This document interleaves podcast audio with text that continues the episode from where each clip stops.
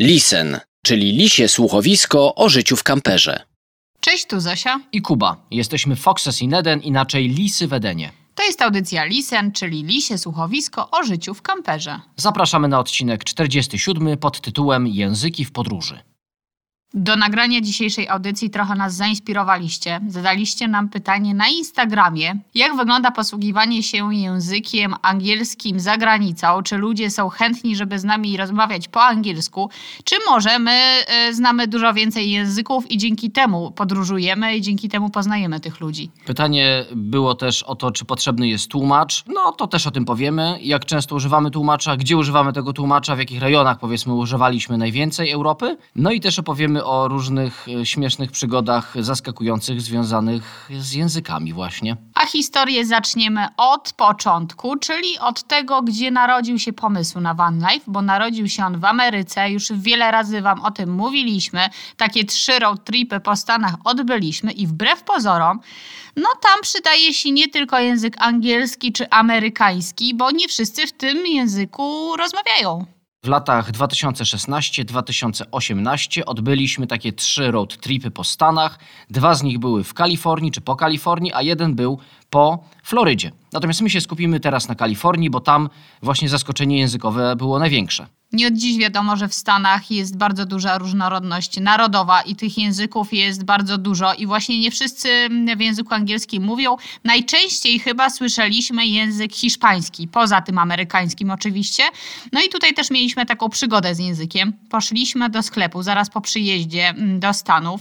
My akurat wypożyczaliśmy samochód osobowy, w którym chcieliśmy spać. Mieliśmy z sobą z Polski zabrany materac dmuchany, ale nie mieliśmy na przykład poduszek i takie poduszki chcieliśmy kupić dość tanio właśnie tylko na taki wyjazd. Udaliśmy się więc do Walmartu. To jest duży sklep, e, w którym znajdziemy wszystko, dość tani sklep. Ponieważ byliśmy w Kalifornii, czyli takie raczej południe Stanów, no to bliskość Meksyku była odczuwalna. Jak weszliśmy do Walmartu, który wcale w Meksyku nie był, okazało się, że pani na kasie, kiedy spytałem ją o prostą rzecz, mianowicie o ceny tych poduszek, czyli what is the price of this pillow, totalnie nie wiedziała o co mi chodzi, nic nie rozumiała zupełnie i to nawet nie było jakieś skomplikowane przecież zdanie, tylko takie najprostsze chyba, którego się uczymy, mam wrażenie, w pierwszym roku nauki języka angielskiego. Więc wmurowało panią kasjerkę. Ja próbowałem jeszcze tam może na inne sposoby to powiedzieć, ale to w ogóle nic nie dawało i musiała zawołać chłopaka, który dopiero z nami po amerykańsku pogadał. Pani zupełnie nic nie rozumiała po angielsku, mimo że była w Kalifornii w Stanach. Byłeś bardziej amerykański od Amerykanina, może dlatego. Parę razy się zdarzyło rzeczywiście, ponieważ jak się uczyłem języka, to się jakoś tak chyba skupiłem na akcencie amerykańskim. Zdarzyło się, że Amerykanie brali mnie za Amerykanina.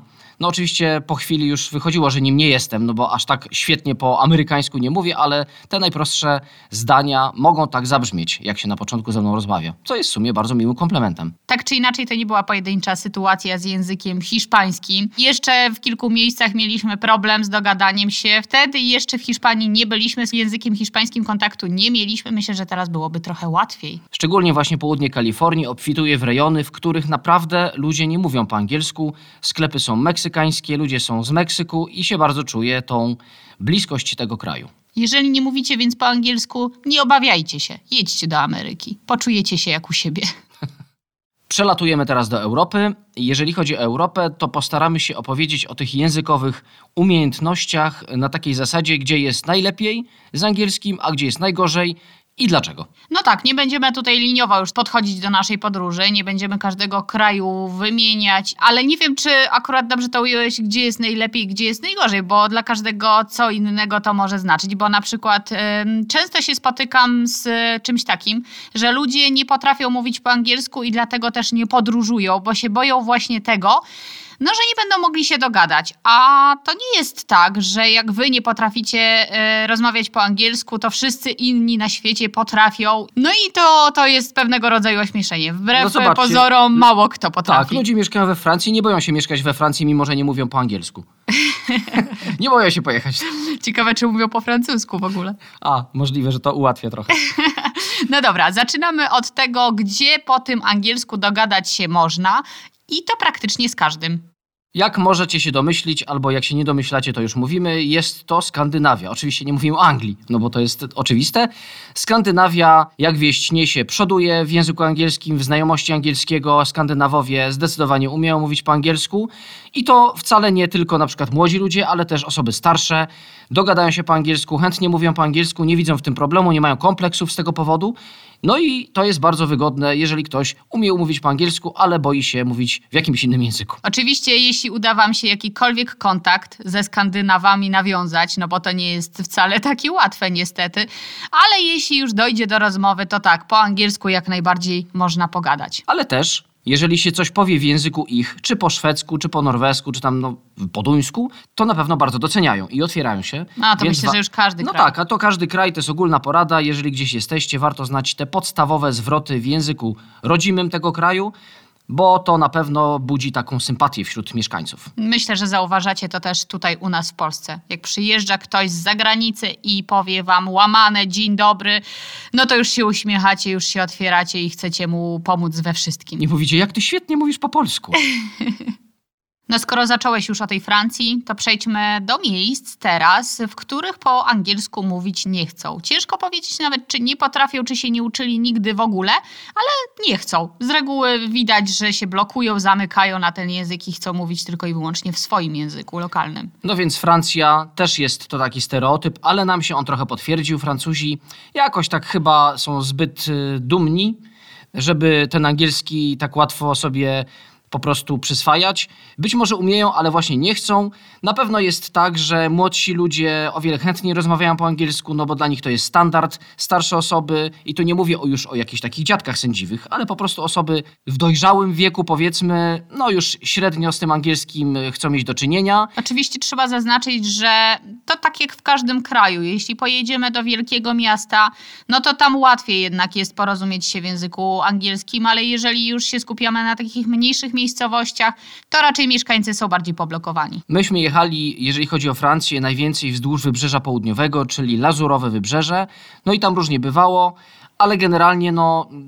Myślę, że we Francji lepiej najpierw coś po francusku powiedzieć, może się nauczyć właśnie tego prostego zwrotu typu dzień dobry, bonjour, yy, bonjour, on un i wtedy dopiero jakoś może próbować po angielsku, może to jakoś te lody przełamie pierwsze. Tak, ja przełamuję lody po francusku najłatwiej, e, potwierdzając, bo mi najbardziej weszło oui. tak, nawet mieliśmy taką przygodę, złapaliśmy gumę już na samej granicy francusko, a propos tych lodów, Przełamywania. przełamywania gumy. Złapaliśmy gumę przed granicą z Hiszpanią. No i to była taka miejscowość niewielka, troszkę w górach. Pojechaliśmy wymienić tą oponę.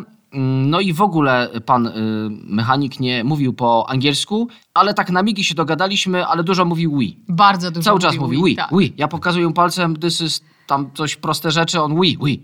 Oui. I potem pokazywał zawór, że jednak zawór też jest zepsuty do opony i też mówił tu oui, oui.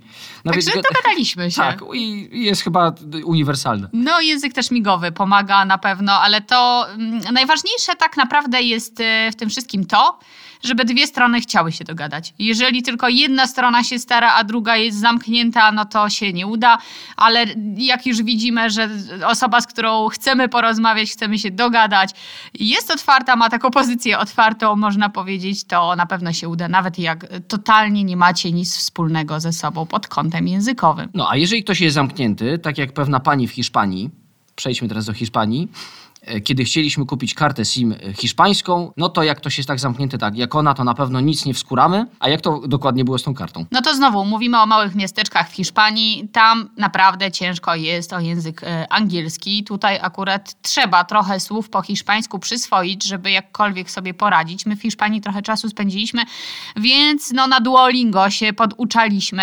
Mm, To nam na pewno pomogło, ale pani w sklepie to prawda była zamknięta. Jak tylko weszliśmy, zapytaliśmy się, czy możemy po angielsku porozmawiać. No to pani widać nagle zrzędła mina, zrobiła się bardzo przerażona, zaczęły jej się trząść ręce. Tak, to był jakiś taki atak paniczny, leciutki. Tak, leciutki, tak. No i już te ruchy były bardzo spowolnione. Mieliśmy pół godziny jeszcze otwartego sklepu do siesty. Była godzina 13, bodajże 13.30 był zamykany sklep i była siesta. No to pół godziny miało nam wystarczyć zdecydowanie na zakup karty SIM. Nie starczyło. A jeżeli chodzi o Hiszpanię, to jeszcze mieliśmy przygodę z infolinią. Dzwoniliśmy na infolinię telefonii komórkowej hiszpańskiej też z jakimś tam problemem. I jak tylko zapytałem się, czy mogę rozmawiać z kimś, kto mówi po angielsku, to po prostu się rozłączono. Więc też tak, tak dalece posunięty lęk przed angielskim tam może zaistnieć.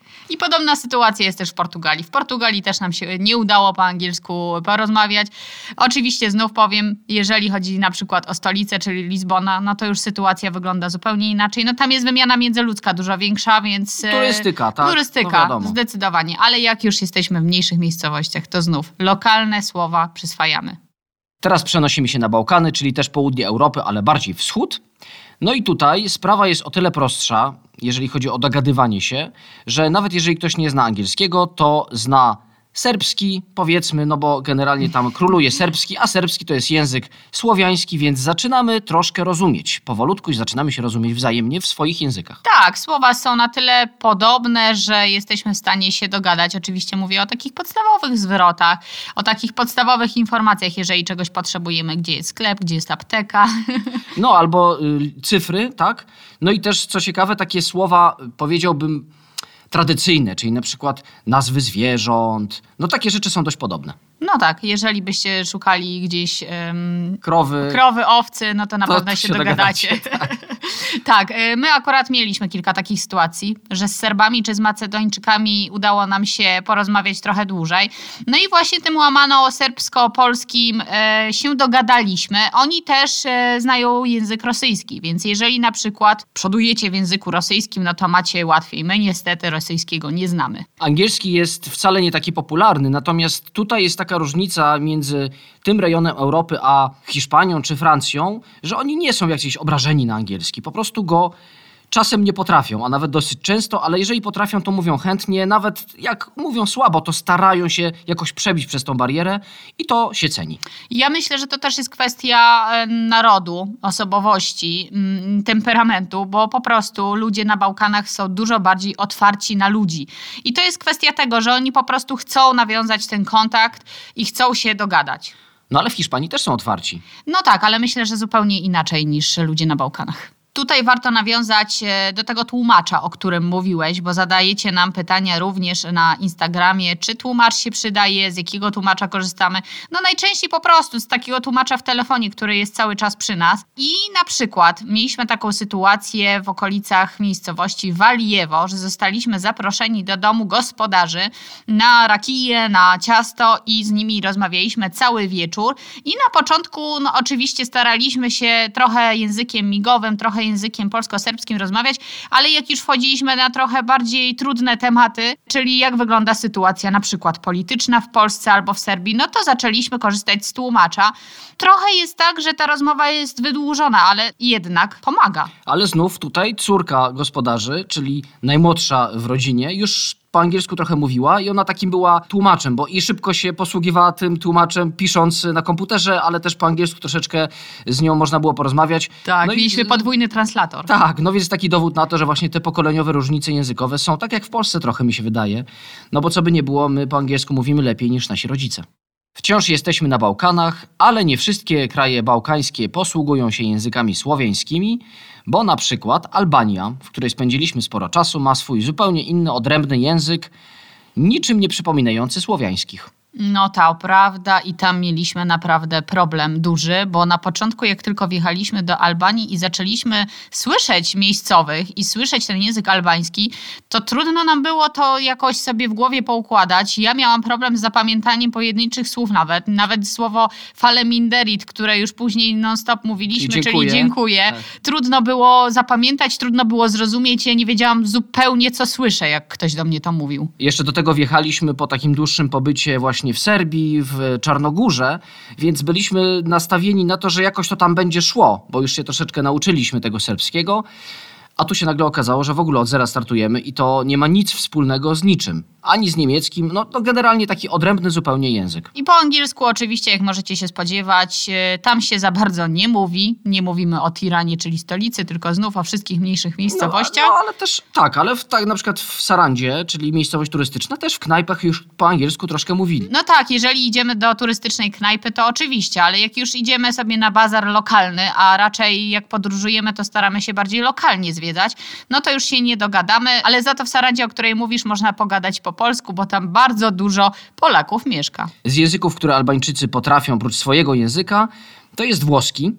Okazało się, że ta bliskość Włoch, no bliskość jak bliskość, ale przez morze wystarczy przepłynąć, jest się we Włoszech. Historia też Albańczyków z Włochami trochę spięła. Dużo tam było emigracji do Włoch albańskiej, więc niektórzy po włosku mówią i to wcale nieźle. Nawet raz y, taki pan, który nam tam pozwolił sobie zaparkować przy swojej restauracji. Ja taki byłem, bo ja trochę po włosku mówię, mam siostrę we Włoszech od lat, ale jak on zaczął do mnie mówić po włosku, no to mnie przerosło. No był taki dobry, że tak już powiedziałem, dobrze, no to gracje, gracje i poszedłem sobie. Poza tym, że po włosku, to jeszcze po grecku, bo znów bardzo blisko Grecja jest. Na południu. I, I grecki tam też jest używany. Są nawet miejscowości takie półalbańskie, półgreckie. Mimo, że historia Albanii była dość dramatyczna i Albania była zamknięta, no to jednak ludzie przepływali. Ja jestem ciekawa, jak w tej Grecji będzie. Będziemy tam niebawem. Czytałam sobie pojedyncze słowa i myślę, że będzie trudniej niż w Albanii. Co by nie było, Albańczycy bardzo cenią sobie Amerykę, więc są otwarci na język angielski, natomiast gorzej z praktyką. Podsumowując te nasze opowieści językowe, to nie jest tak, że my Was zniechęcamy do nauki języka angielskiego, ale to też nie jest tak, jak to zwykle mamy mówią, czy w szkole mówią, ucz się angielskiego i ci to otworzy y, drzwi do każdego, jak tylko wyjedziesz, bo nie każdy po tym angielsku się porozumiewa, ale oczywiście ważne jest to, żeby być po prostu otwartym na drugiego człowieka i żeby jakąś tą otwartość u tego drugiego człowieka budować. Warto jest właśnie poznawać te lokalne słowa, choćby najprostsze, choćby na początek tylko, żeby właśnie te pierwsze lody przełamywać, o których już Zosia opowiedziała trochę bliżej. E, I no i taką sobie utrować drogę do fajnej rozmowy, może na migi, może z translatorem, ale zawsze porozmawiać warto, no bo wtedy się najwięcej dowiadujemy o danym miejscu, jak rozmawiamy po prostu z ludźmi, którzy tam mieszkają i żyją. A zawsze w zanadrzu jest tłumacz, z którego można korzystać i który na pewno nam pomoże, jeżeli się zagubimy i będziemy potrzebowali odnaleźć swoją drogę. Dzięki, że z nami dzisiaj byliście. Zapraszamy na kolejny odcinek już za tydzień. Dzięki, dzięki. Cześć, cześć. Cześć!